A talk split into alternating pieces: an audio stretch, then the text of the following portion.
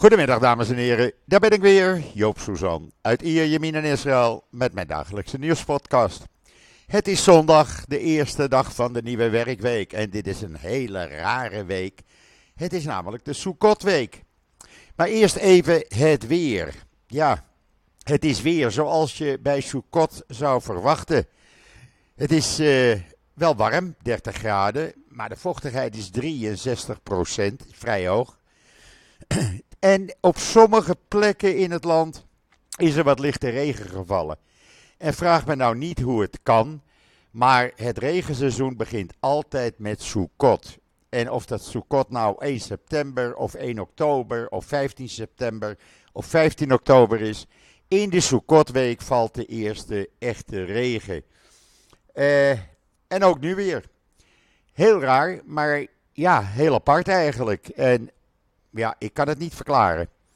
Maar het hoort bij Sukkot. En heb je dan al in de soek, gezeten, Joop? Ja, dat heb ik vrijdagavond. Bij een van de kinderen. Die heeft een uh, vrij groot balkon en die had een uh, soeka op zijn balkon gebouwd. En we hebben uh, in de soeka vrijdagavond gegeten. Ja, dat is toch altijd weer een aparte belevenis, om het zo maar te zeggen. Maakt het toch wel weer apart om hier in Israël te wonen en te leven. En ook nu weer is uh, een groot gedeelte van uh, de bevolking is op vakantie in het buitenland of aan het kamperen. Ik weet dat uh, de kinderen gaan ook om de beurt in de tent ergens kamperen in het noorden. Twee, drie dagen. Misschien ga ik ze nog wel even bezoeken, een van hen. Maar ja, dat hoort bij de Sukkah-week. Je blijft eigenlijk niet thuis. En mensen trekken erop uit, ongeacht of het nou wel of niet regent. Het hoort er gewoon bij die regen. En ik moet zeggen, het, maakt, het blijft het apart maken. Het is toch raar. Soekot begint en het gaat regenen. Ja, uh, het hoort er gewoon bij. Uh, ja, wat gebeurt er dan in het land? Nou, er gebeurt van alles. Alhoewel het politiek natuurlijk nu een beetje stil ligt.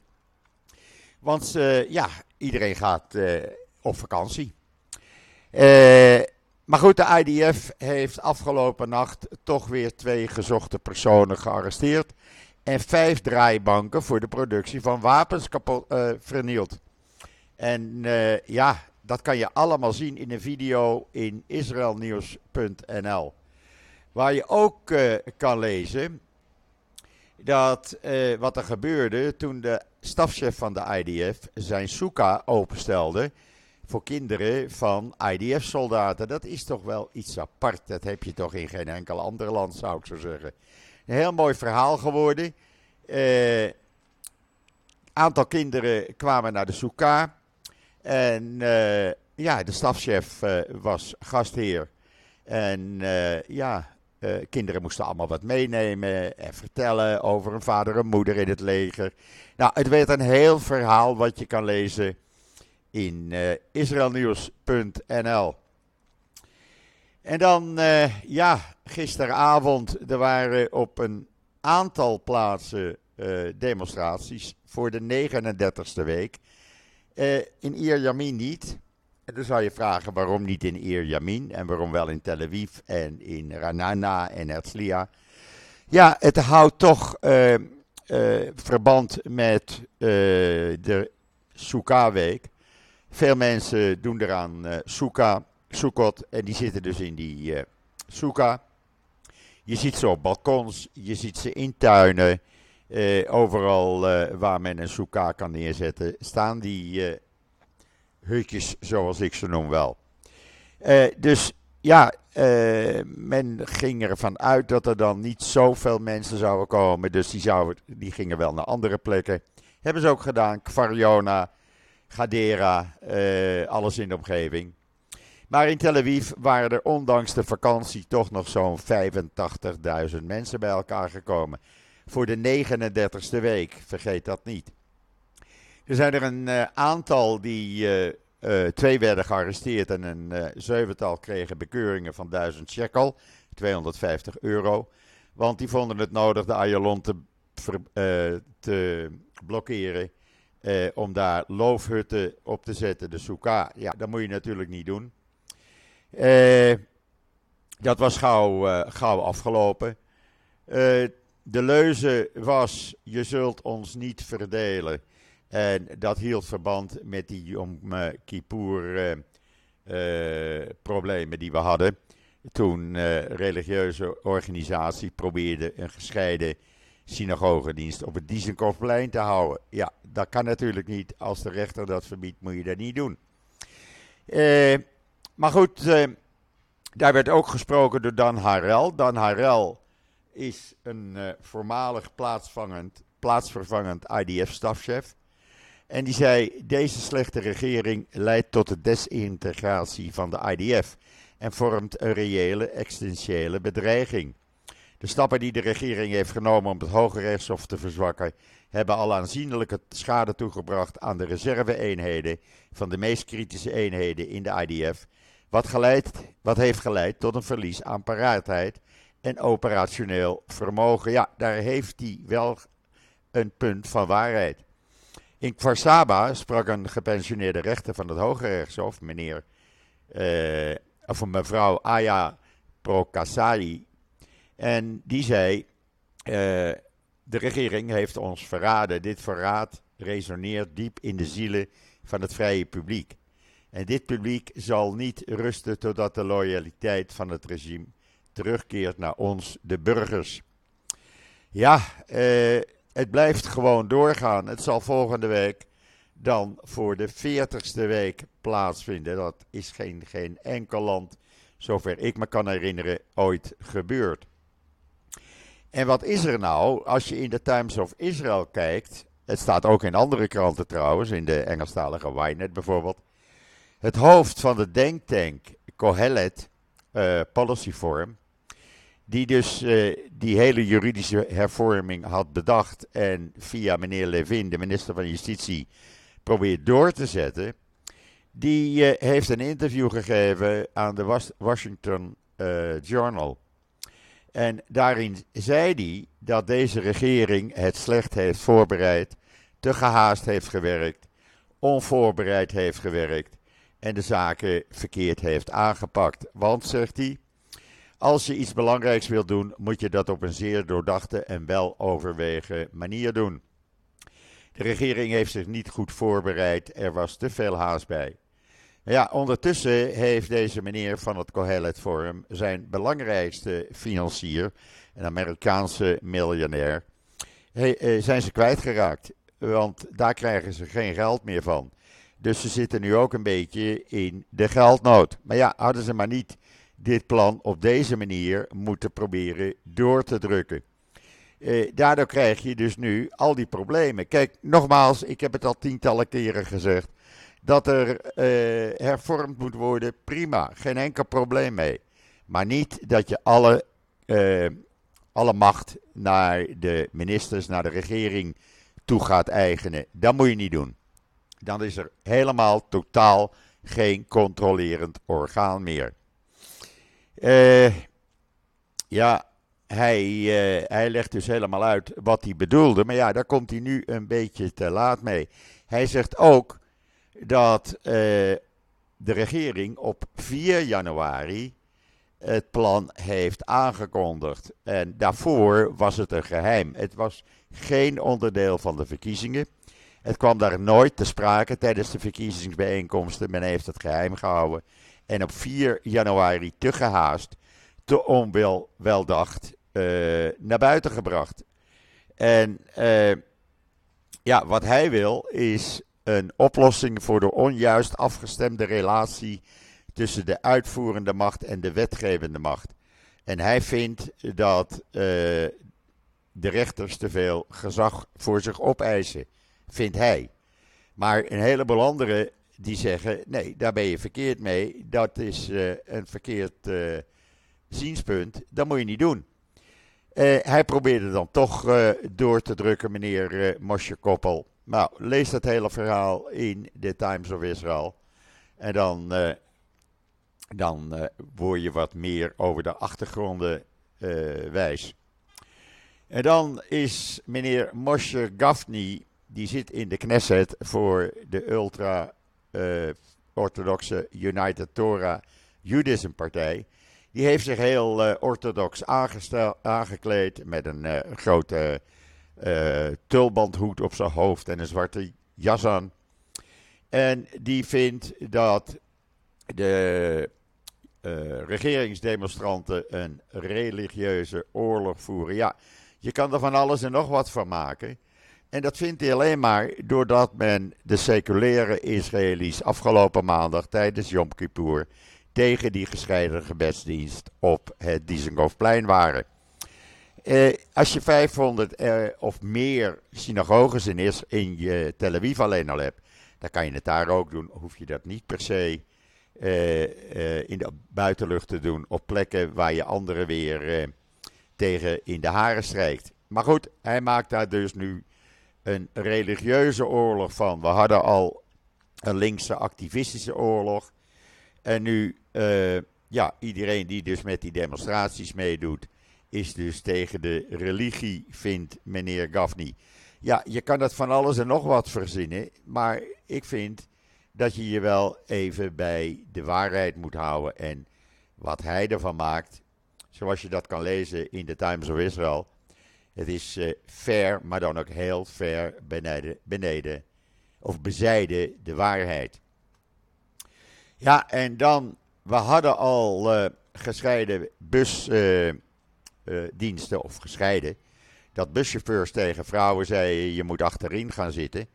Vrouwen willen dat niet, want dat is geen wet. Maar de gemeenteraad van Jeruzalem, die gaat een stapje verder en langzaam, maar zeker, stap bij stap, komen we in een religieuze wereld terecht. Want wat gaat de gemeente doen? Er zijn tijdens uh, Sukkot elke dag allerlei evenementen door heel Israël. Voor kinderen, voor volwassenen. Er zijn optredens, er zijn uh, spelen. Nou ja, noem maar op. Kampeer wordt er georganiseerd. En bij uh, een paar van die evenementen in Jeruzalem gaat de gemeente die evenementen scheiden voor jongens en meisjes. en waarom? Omdat 15% van die wijken waarin dat gaat gebeuren is orthodox, ultra-orthodox. Het is maar 15%. En anders zouden die niet daar naartoe kunnen, want dan is het niet kosher.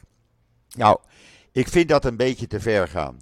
Dat is hetzelfde als met vrouwen achter in de bus uh, proberen te krijgen, gescheiden van de mannen. Dat is hetzelfde als dat ultra-orthodoxe mannen in treinen tegen vrouwen zeggen: eh, Jij moet ergens anders zitten, want ik ga hier met mijn vrienden zitten. Dat kan niet. Dan ga je te ver. Dan probeert een minderheid de meerderheid zijn wil op te dragen. En ja, dat is precies eigenlijk wat die zogenaamde juridische hervorming ook inhoudt. Want er liggen wetten klaar die na 15 oktober, als de Knesset weer bij elkaar komt, behandeld gaan worden. Die het recht van seculiere Joden en van vrouwen, onder andere, eh, behoorlijk gaat beperken. En als jullie dat niet geloven, wacht het maar af. Ik verzin het niet, ik schud het niet uit mijn mouw. Het ligt gewoon op de plank. En het, ja, als we er niets tegen doen, als we niet demonstreren, dan wordt dit een land alleen voor ultra-orthodoxe mensen. En ja, dat willen we gewoon niet. Het moet wel een beetje normaal blijven, vind ik. En Iedereen eh, vrijheid, blijheid, maar je moet elkaar wel respecteren. En het moet niet zo zijn dat ultra-orthodoxe mensen meer rechten opeisen dan seculiere mensen kunnen krijgen. En dan uh, was er afgelopen nacht in op de kibbutz Meiraf uh, volgens de inwoners op hun huizen geschoten. Waarop deze bewoners, uh, dat schieten was uit de regio Jenin, waarop deze uh, bewoners de Duits buitenwijken van een Palestijns dorp ingingen.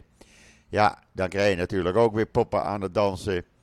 Uh, het is de tweede keer al dat ze dit hebben gedaan. Je kan het lezen in alle Engelstalige kranten, ook in de Hebreeuwse natuurlijk. Maar dat maakt het wat moeilijker. Uh, maar goed, de veiligheidstroepen, IDF, heeft die mensen weer tot zinnen gebracht. En uh, ja, die bewaakt nu die omgeving wat extra. En dan blijkt er nu, volgens de Times of Israel, ik wist dat ook niet. Er schijnt een Palestijns-Italiaanse student al een maand lang te worden vastgehouden hier in Israël. Khaled El Kouaisi werd gearresteerd toen hij tijdens een familievakantie van de westelijke Jordaanoever naar Jordanië probeerde te, over te steken. Hij wordt vastgehouden zonder aanklacht of toegang tot een advocaat. Ja, dat kan natuurlijk ook niet.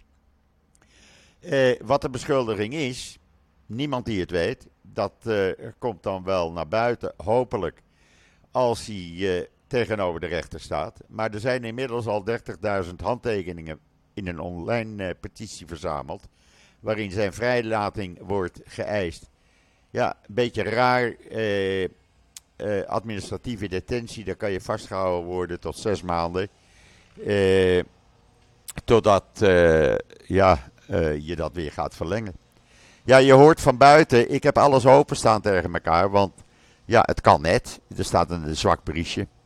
Dus dan hoor je een beetje wat er hier op straat plaatsvindt. Dan zou volgens Syrië de afgelopen nacht de IDF een Iraans wapentransport hebben beschoten. Zegt Syrië, zoals gebruikelijk zegt de IDF niets.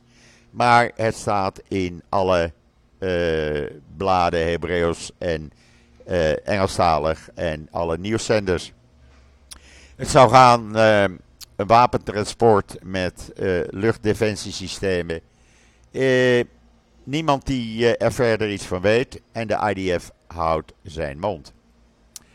En dan heeft de Palestijnse autoriteit bekend dat er eigenlijk geen sprake is van een bezetting. Als je dat leest in uh, de Jeruzalem Post. Want uh, ze hebben een verzoekschrift uh, ingediend bij de UNESCO om de stad Jericho en omgeving als een Palestijnse erfgoedsite te erkennen. Nou, is natuurlijk prima. Maar wat schrijven ze in die beschrijving?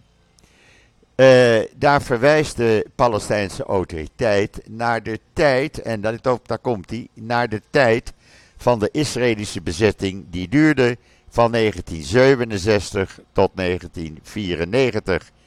En ze erkennen dus schriftelijk dat er geen sprake was meer op dit moment van een Israëlische bezetting, want die zou in 1994 beëindigd zijn. Ja, ze geven het zelf toe. Dus al die organisaties in Nederland die het hebben over een bezetting. Ik zou zeggen, ga even bij je Palestijnse vrienden te raden. En daar hoor je dat er geen bezetting meer is. En dan, uh, ja, wat hebben we nog meer? Het is eigenlijk niet zo leuk. Dat was de grasmaaimachine eh, van de gemeente, maar die is inmiddels weg. Eh, Oké, het is eigenlijk niet zo leuk. Was er van de week al een dode tussen gevechten tussen Eritrese voor- en tegenstanders van het nieuwe regime in e- Eritrea. Dat zijn die vluchtelingen die hier zijn. En daar heb je voor- en tegenstanders van die nieuwe dictator van. In Tel Aviv is er van de week een dode gevallen tijdens gevechten. En gisteravond in de hoofdstraat van Netanya Herzlstraat, ook tijdens gevechten een Eritrese man ter dood gestoken. Uh, man van uh, in zijn dertig, was ook een vluchteling.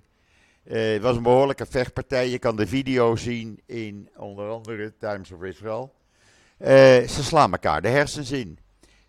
en dat zijn allemaal vluchtelingen. Nou, dan kan je in Nederland misschien ook nog wat verwachten. Dan weet je in ieder geval wat er gebeurt. En dan een Arabische man is nummer 191 die uh, in Noord-Israël is neergeschoten en gedoord. De elfde Arabische dode binnen deze week al. Dat moet gewoon stoppen, dat kan niet zo doorgaan.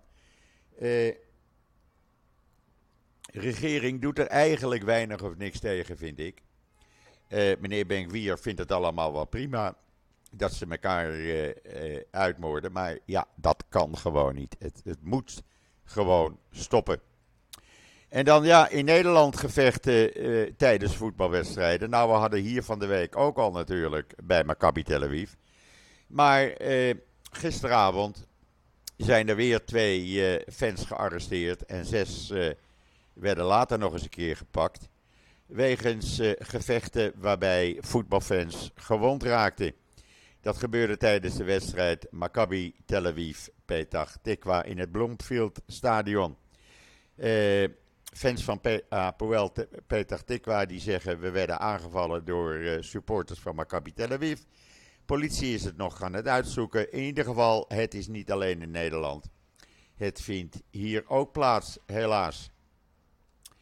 Ja, en dan hebben we natuurlijk afgelopen vrijdag dat verhaal gehad van uh, dat er opeens bekend werd dat uh, vijf vrouwelijke gevangenisbewakers die hun militaire diensttijd in de gevangenis als bewaakster uh, uitvoeren, die ja, waren er niet vies van om een Palestijnse terreurgevangene aan zijn gerief te helpen, om het zo maar te zeggen. En die hadden het best gezellig met hem. deze man bleek ook een telefoon te hebben. Hoe die daaraan kwam, wordt nog onderzocht. In ieder geval, die vijf soldaten zijn natuurlijk meteen ontheven van hun werkzaamheden. Uh, en die worden vanaf vandaag verhoord. Men wil graag weten wie wat nou precies voor intieme relatie gedaan heeft. Hoe vaak ze het gedaan hadden per dag, per week met deze terreurgevangenen in de Ramon-gevangenis in het zuiden van Israël. Daarnaast heeft Ben Gwier inmiddels verboden dat er vrouwen nog werkzaam zijn in dit soort gevangenissen. Want het zou best eens in andere gevangenissen ook plaatsvinden.